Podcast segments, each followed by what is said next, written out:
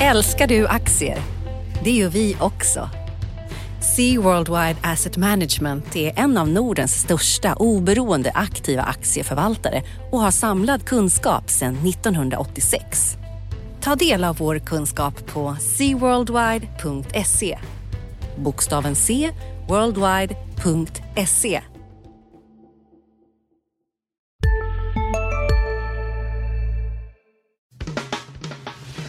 Analyspodden från Dagens Industri. Hej allihopa och välkommen till veckans avsnitt av Analyspodden med Dagens Industris analysredaktion. Eh, jag som säger detta heter Ulf Pettersson och eh, inte mitt emot mig, men på andra sidan linjen har jag Felicia Åkerman. Hej Felicia! Hej hej! Hur är det med dig? Jo, det är bra. Det är en eh, händelserik dag, det gillar man alltid. Ja, det är det verkligen. Jag hade hoppats på lite lugn och ro här på fredag, men det har det inte varit. utan eh, Vi har fått ett rejält börsbud eh, från eh, den väldigt dynamiske eh, Ilja Baylan eh, och hans SPP som köper Hemfosa. Så har vi fått ett rejält kursfall inför nästa veckas eh, eh Uppdrag granskningsprogram för SEB där de då ska vara ute i blåsväder i Baltikum. Och sen så har vi fått en rejäl vinstvarning från Elekta som sänker aktien 16 procent. Och då har klockan bara blivit kvart i elva än, så det återstår ju några timmar kvar. Ja. Men eh, vad tycker du Felicia? Ska vi kanske börja med det som hänt tidigare i veckan? Det har ju varit ganska aktivt från din makrohorisont också med arbetslösheten som tydligen inte var så hög som, som, som vi trodde eller befarade eller, eller ja, ja vad precis. Säga. Vad har du att säga om det? Jo, men dag, eh, veckans stora grej har ju varit de här, de här uppdaterade AKU-siffrorna från SCB. E Man konstaterade ju för ett tag sedan att det fanns problem med datan eh, sedan juli 2018, sommaren 2018 i alla fall. Mm. Så nu har man uppdaterat och vad man har gjort egentligen är att ta bort underlaget som man har fått från den här privata underleverantören Evry och så går man bara på sitt eget underlag för man har konstaterat felaktigheter där. Och då kan vi ju se att det som typ alla egentligen misstänkte, att eh, sommaruppgången i, eh, i arbetslösheten såg väldigt konstig ut. Det, det visade sig ju stämma. Nu, det, det, var en uppgång i somras, men den var inte så kraftig som man hade trott. Och faktum är att det ser ut att ha stabiliserats redan i september.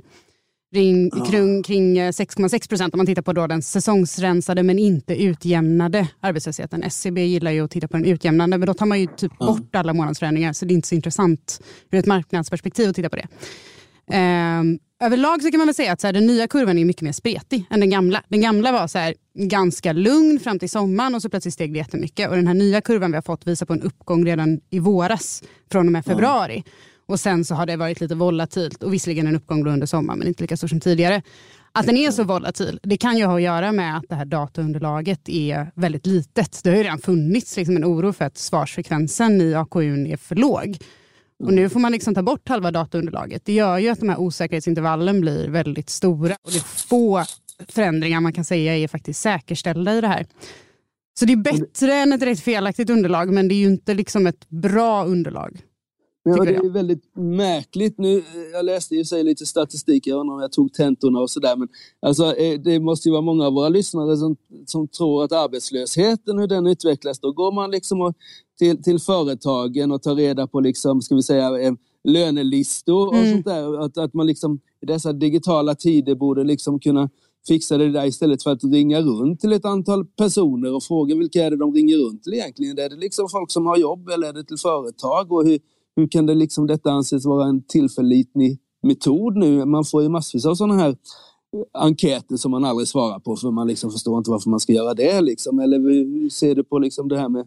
Ja, men, det, är ju, ett problem som finns överlag vad gäller statistik. Det är ju samma diskussion man har fört kring typ opinionsmätningar också. Det är svårt att få folk att svara på de här grejerna överhuvudtaget. Um, så, så man, man, försöker få liksom ett representativt urval och när det gäller AKU då, så får man ju försöka få ett representativt urval utifrån de olika sektorerna. Och så där. Det är lite annorlunda än, än eh, när man gör en typ en politisk opinionsmätning. Men, men problemen är de samma, att man har svårt att hålla de här svarsfrekvenserna som man hade förr i tiden. Och Det gör att det finns en större osäkerhet kring det där. Man kan ju hoppas att den här fadäsen ska öppna en diskussion Dels kring så här, men, finns det något annat sätt vi kan bedriva de här mätningarna som kanske funkar bättre och är mer tillförlitligt och där vi får in mer data. Och sen för det andra också så kanske det krävs en diskussion om så här, vad får det kosta att vi ska ha en vettig statistik. Som jag har förstått eh, uttalandena från SCBs generaldirektör i den här historien så handlar det om att de ville lägga ut halva sin datainsamling för att de hade liksom skenande kostnader på den enheten som gjorde det internt. Mm. Och det är klart, det kan man ju förstå. Jag gillar inte heller slöseri med skattepengar, det är väl ingen som gör det. Men det blir ju lite konstigt att man då istället får så bristfällig statistik som används för att fatta beslut om väldigt, väldigt mycket mer pengar än vad den där datainsamlingen kostar från början. Så man kan ju, jag efterlyser liksom en diskussion från politiskt håll om så här, hur säkrar vi finansieringen av den här statistiken. Och också kanske man tittar på vad är det för sorts statistik vi behöver. Alla bitar i AKU är inte lika viktiga. Det kan vara så att man ska fokusera på de riktigt viktiga bitarna, åtminstone tills man har löst det här. Men, men det är ju en diskussion som SCB får föra nu. Och vad är det för statistik du tycker är liksom den viktigaste här och vem skulle man kunna skrota av besparingsskäl? Alltså egentligen så, jag är ju en datanisse, jag vill ju inte att man skrotar någonting. Men, men det är ju som så här, vi vill ju ha koll på eh, långtidsarbetslösheten, vi vill ha koll på hur sysselsättningen utvecklas för olika segment av befolkningen. Det är ganska viktigt när man ska liksom, sätta någon sorts vettig eh, politik eh, vad gäller för, från näringsdepartementets sida. Det är bra att hålla koll på. Det kanske inte är riktigt lika nödvändigt att ha så här, detaljkunskapen i typ, eh, jag vet inte, så här, eh, utvecklingen i arbetade timmar. Det kanske finns saker där som inte är riktigt lika nödvändiga. Egentligen så vill man ju ha all data man kan få. Men om det är så att man sitter med begränsade resurser just nu, då kanske man får fokusera lite mer. Jag vet inte. Ja, det, det, det, ja, klart, men som du sa så vill man ju inte ha liksom, eh, statistik för stati alltså som den är onödig. Men vi har, jag tror vi har 220 myndigheter och det borde väl kunna flytta, gå att flytta över liksom pengar från någon myndighet till, till en sån här myndighet SCB som dessutom ja. är liksom då, där, där, Magdalena Andersson använder för att liksom huruvida hon ska stimulera ekonomin eller inte. Det känns ganska ja, men exakt. Men jag, jag, jag, tycker också, utan, nu pratar jag så att säga som, som lekman här, men men det känns ju som ett, ett, ett väldigt bristfälligt att man ringer och frågar. Alltså det borde kunna gå att liksom med data, annan datainsamling, herregud, Facebook vet ju liksom vad du och jag mm, åt, åt till frukost liksom, ja. så borde det liksom kunna gå att hitta på något sätt tycker man. Ja, det kan ju också vara att det finns annan datainsamling men den anses också för dyr. Jag, jag vet faktiskt inte, ja. men det skulle ju kunna vara så. Men igen, då kommer man tillbaka till så här, är det är det värt att lägga pengar på det här eller vill man vara lite dumsnål och inte lägga pengar på det och sen istället slösa pengar på dåliga insatser? Mm. Men om vi, om vi nu utgår ifrån att den, är, är att den var falsk förut och nu är den sann, då, ja. arbetslöshetsstatistiken. Vad har det här för bäring på övriga makrobitar? Jag tänker exempelvis på eh, Stefan Ingves eh, räntesänkningar. Den, den är så att säga given nu, för nu fick han verkligen vatten på sin kvarn om att det är läge att höja höja räntan till, till eh, så småningom noll? Eller vad, ja, jag men alltså, Riksbankens egna prognoser över arbetslösheten ser plötsligt väldigt mycket mer rimlig ut när mm. arbetslösheten ligger på 6,6 procent istället för 7,4 procent som den gjorde förut. De har ju, mm. Deras prognoser har legat runt 6,6 till 6,8 procent för Q4 beroende på om man kollar på september eller oktober. Mm. Eh, så det är ju bra. Och sen fick vi inflationssiffror nu i veckan. De var ju lite under Riksbankens prognos. KPIF kom in på 1,5 procent, vilket var precis vad marknaden väntade sig och strax under de 1,6 procent som Riksbanken väntade sig. Även om man rensar för energi så var det lite under Riksbankens prognos. Men mm. det känns ju som att så här, med än så länge oförändrade inflationsförväntningar, visserligen då under målet, så finns det ingen anledning för Riksbanken som liksom verkligen har så surrat sig vid masten med den här höjningen att backa i nuläget. Det ska till något extraordinärt tror jag i eh, nästa inflationssläpp för att man mm. skulle backa från det. Det jag svårt att se. Så att vi får nog den här räntehöjningen nu. Och vem vet, det kanske för Riksbanken har ju fått kritik för sina höga, höga inflationsprognoser, eh, men de kanske också ligger före precis som, eller ligger bättre till eh, eh precis som vad det gäller arbetslösheten. Att det kanske kommer statistikpunkter som, som, men den är inte felräknad i alla fall. Vad vi, inte vad vi vet i alla fall, men man vet ju inte. Det kanske, det kanske finns något konstigt där. ja, vi får se. Vi hade Tyskland också ja. som inte är i recession. Det var Precis. roligt. Man vill ju nästan jubla för att det inte blir någon recession. Men då kan man komma ihåg att tillväxten var på 0,1 procent. Så det är precis mm. som man klarar sig. Och om det blir samma revidering som det blev för Q2, då är man på nolltillväxt. Det är väl inte heller egentligen en teknisk recession eftersom det då krävs ja. två på för varandra för krympande kvartal. Um, men ja, på sätt och vis jättetrevligt att det inte blir en recession såklart. Det är ju ingen som gillar det. Mm. Men jag tror lite paradoxalt nog så är det kanske lite dåliga nyheter för ECB. För där har man ju hoppats på att eh, de tyska politikerna ska tänka om kring finanspolitiska stimulanser. Eh, och det blir mycket svårare när man inte är i recession. Alltså, I mm. Tyskland krävs det väldigt bra ursäkter för att dra till med något sånt. För man är så allergisk mot det som uppfattas som en slösaktig finanspolitik. Så utan att man befinner sig i recession så krymper den här redan ganska lilla sannolikheten för att det skulle bli några rejäla stimulanser där. Den krymper ytterligare. Så det är lite dubbelt faktiskt. Men eh, för våra industribolag så är det väl trevligt om den tyska marknaden inte går in i en recession i alla fall. Nej, och jag, jag, vet inte om du håller med här, men det känns som att den senaste ska vi säga, månadens statistik har varit lite ljusare. Alltså det, var ju, mm. det var ju närmast fritt fall här för ett, ett halvår sedan. Eh, ja, eh, men att, men att den, här, den här riktiga nedgången som man befarade eh, kanske väldigt mycket orsakad av eh, fordonsindustrin. Mm. Då. Inte, det, det, är inte lika nattsvart som vi, som vi trodde här för ett tag sedan, eller vad är din bild?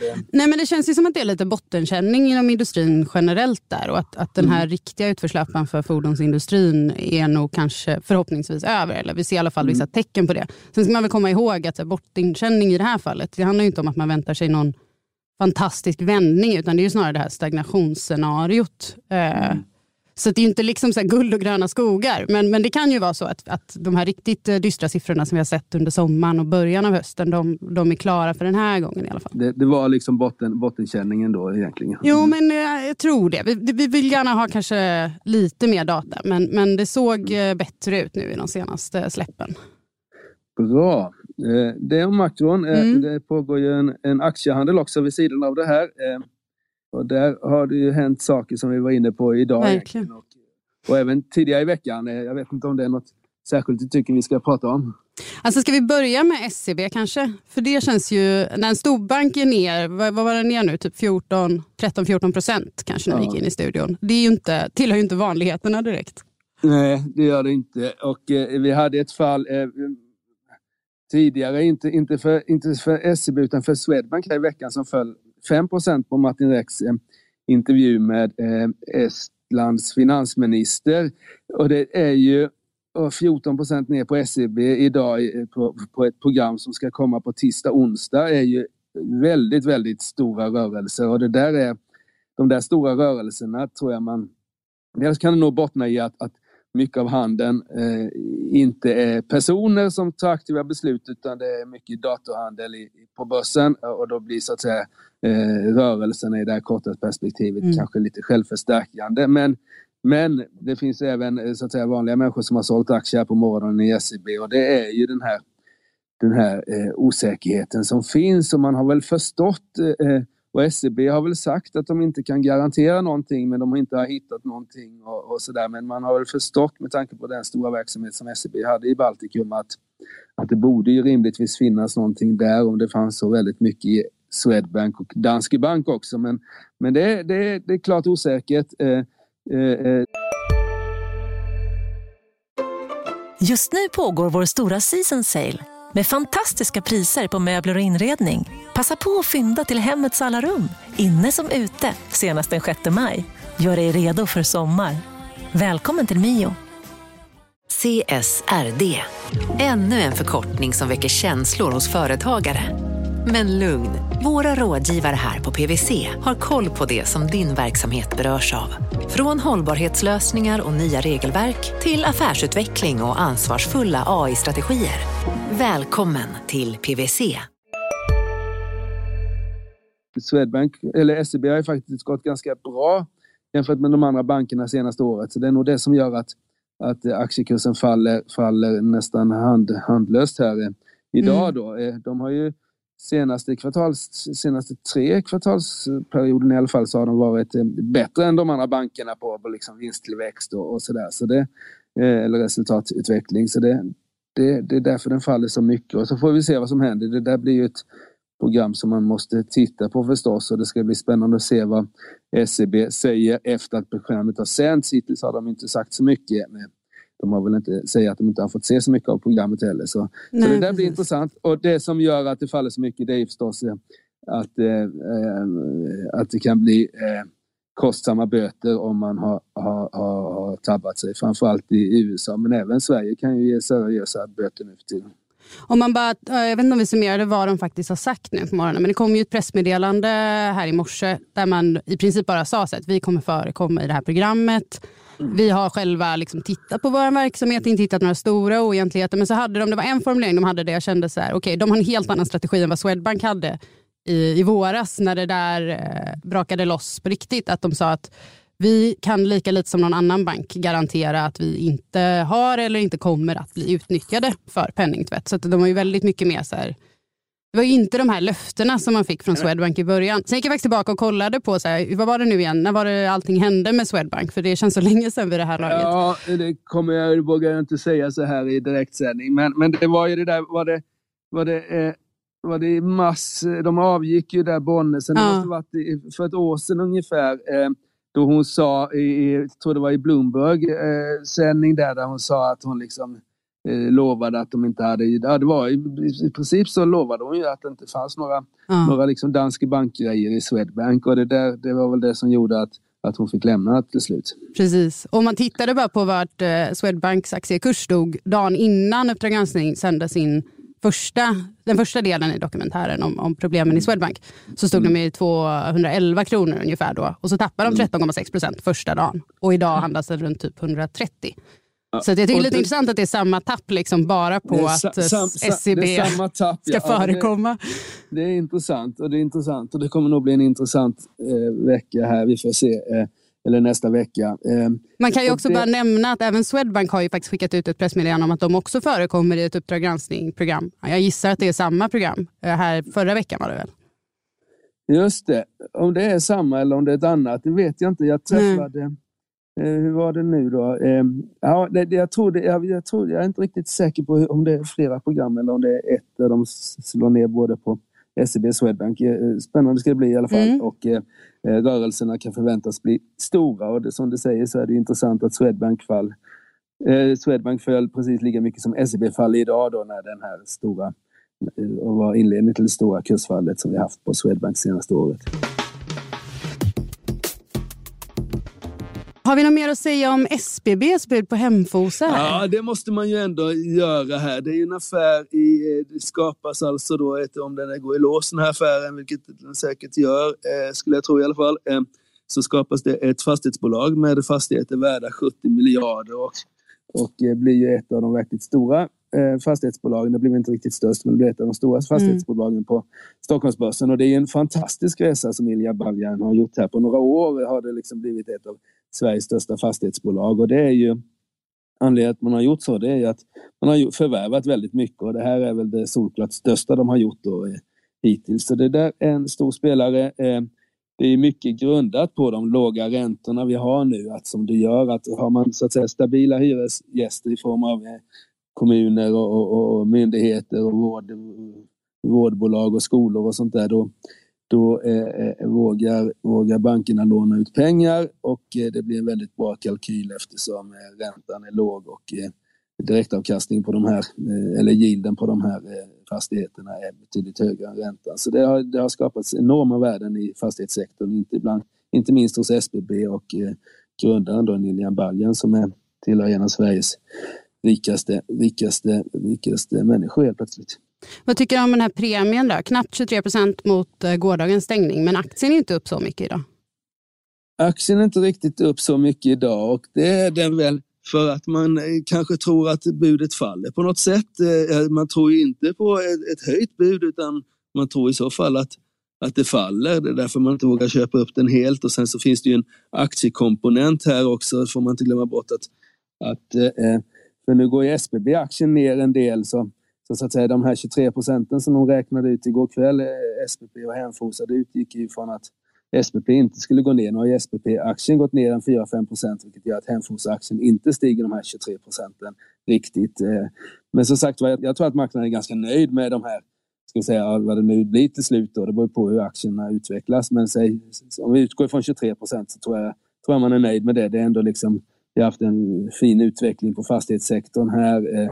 Eh, så att det inte liksom når upp till de här, vad var det, 35 procent som, som eh, eh Svedol och, och, Moment Momentum Group-affären här var på i, i, tidigare i veckan så, så är det begripligt. Det brukar inte vara den typen av premie i fastighetssektorn. Så jag tycker 23 procent är helt okej. Okay. Och jag tycker mm. sen att det blev en så att säga, kombination av aktier och, och, och kontanter, det, det, är fullt begripligt eftersom det inte hade gått att finansiera allt med kontanter. Så, så vill man nog ha lite aktieutbyte också. Mm. Eh, och det får vi se här, affären här, den är ju det utgår ju, om den är, blir framgångsrik, utgår ju från hur mycket synergier man kan hitta då. Det finns ju nog synergier att hämta eftersom de har haft en, en liknande så att säga, fastighetsportfölj. Jag tycker vår kollega Micke Wilenius hade en intressant genomgång av värderingen här i veckan som är värt att läsa. De är ganska omfattande, hans artiklar, så de mm. kanske man kan spara till lördagen då när man har tid. Men, men, eh, men du har läst den? Jag har läst den eh, och sådär. Och det som var eh, ska vi säga en liten ögonöppnare det är ju värderingen på Atlas Copco. Atlas Copco har stigit 65-70 procent i år, är börsens solklart största bolag med ett börsvärde på väl över 400. Eh, och de har egentligen aldrig varit så högt värderade som de är nu då, på 25 gånger vinsten eller något sånt där. Och det är klart att det gör ju att den här ska vi säga, kursfallsrisken eh, är lite förhöjd på Stockholmsbörsen när vårt solklart största bolag är värderat till sin största värdering någonsin. Nu har ju de gjort det bra, Atlas Copco här, men som sagt var, rensar man för valutavinsterna så har de inte ökat vinsten i år och betalar 25 gånger vinsten då är lite, lite åtminstone i ett historiskt perspektiv så är det lite, lite stressat. Men då kommer vi tillbaks till de här räntorna igen. Frågan är om man ska, för mycket av Mickes väldigt intressanta artikel gick ut på historiska, hur, hur, hur, bolagen värderas idag i förhållande till dess historiska värdering och det som har hänt jämfört med historien är ju de här räntorna där vi har, eh, även om räntorna har stigit lite de sista veckorna mm. så är det ändå nollränta på nästan alla löptider på Stockholmsbörsens eh, obligationsmarknad. Och det där, så det, det, man kan säga här är väl, vilket jag tycker är intressant eh, filosofiskt resonemang, är att nu känns det som att aktiemarknaden på allvar eller liksom på, på riktigt börja ta in de låga räntorna i sina värderingar och det är först nu egentligen som vi har börjat värdera upp Stockholmsbörsens P-tal från att varit så att säga värderat enligt en högre ränte, räntekomponent så börjar nu värderingen utgå ifrån att vi varaktigt ska ha låga räntor. Och, då är man, och det kan ju säkert stämma eftersom det inte ser ut som att räntorna ska bli särskilt höga under liksom, 5-10 års sikt som det liksom prissätts nu. Då. Mm. Men eh, det var ju det som hände i Japan och där, där fick man ju en, en fastighetsbubbla eh, slutet av 80-talet och eh, ja, sen har det varit 30 år av, av, av, av ska säga, låg tillväxt. Ja visst. Men det är, alltså, det är förståeligt att man börjar prisa in de här väldigt eh, låga långsiktiga räntorna. Alltså om man ja. tittar på räntebanan från Riksbanken nu, det är ju liksom nollränta hela vägen.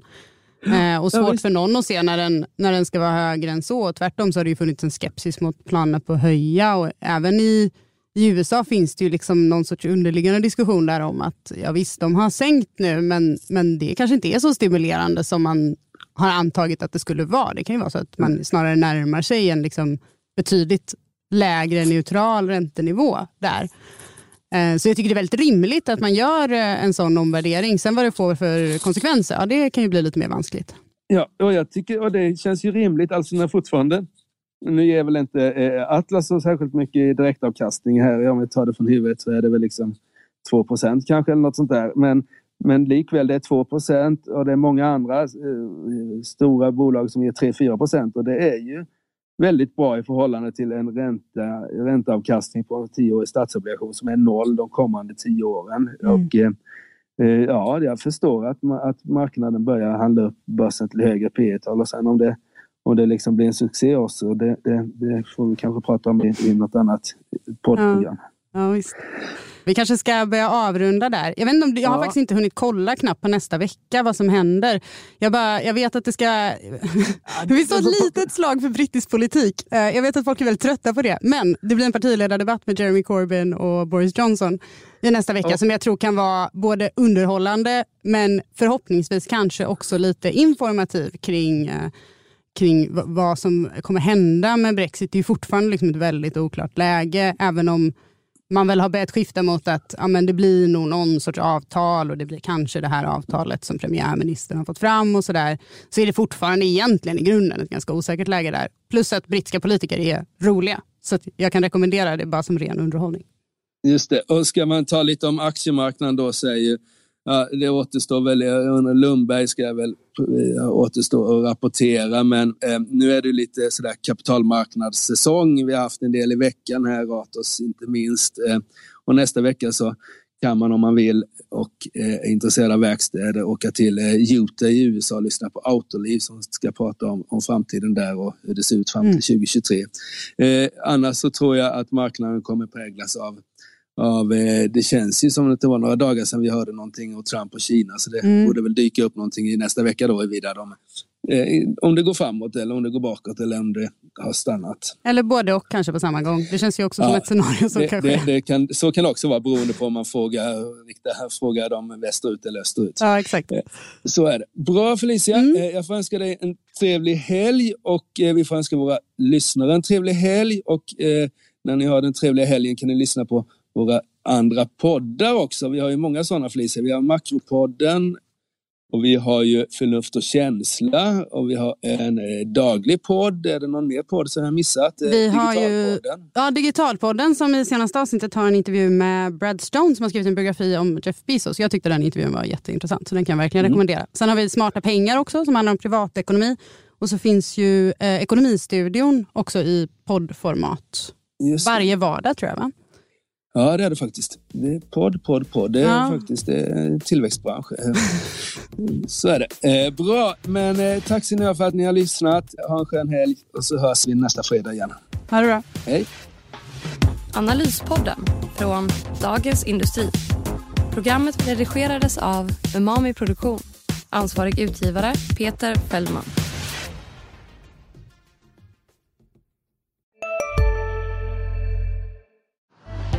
Älskar du aktier? Det gör vi också. Sea Worldwide Asset Management är en av Nordens största oberoende aktiva aktieförvaltare och har samlad kunskap sedan 1986. Ta del av vår kunskap på seaworldwide.se. Bokstaven C, worldwide.se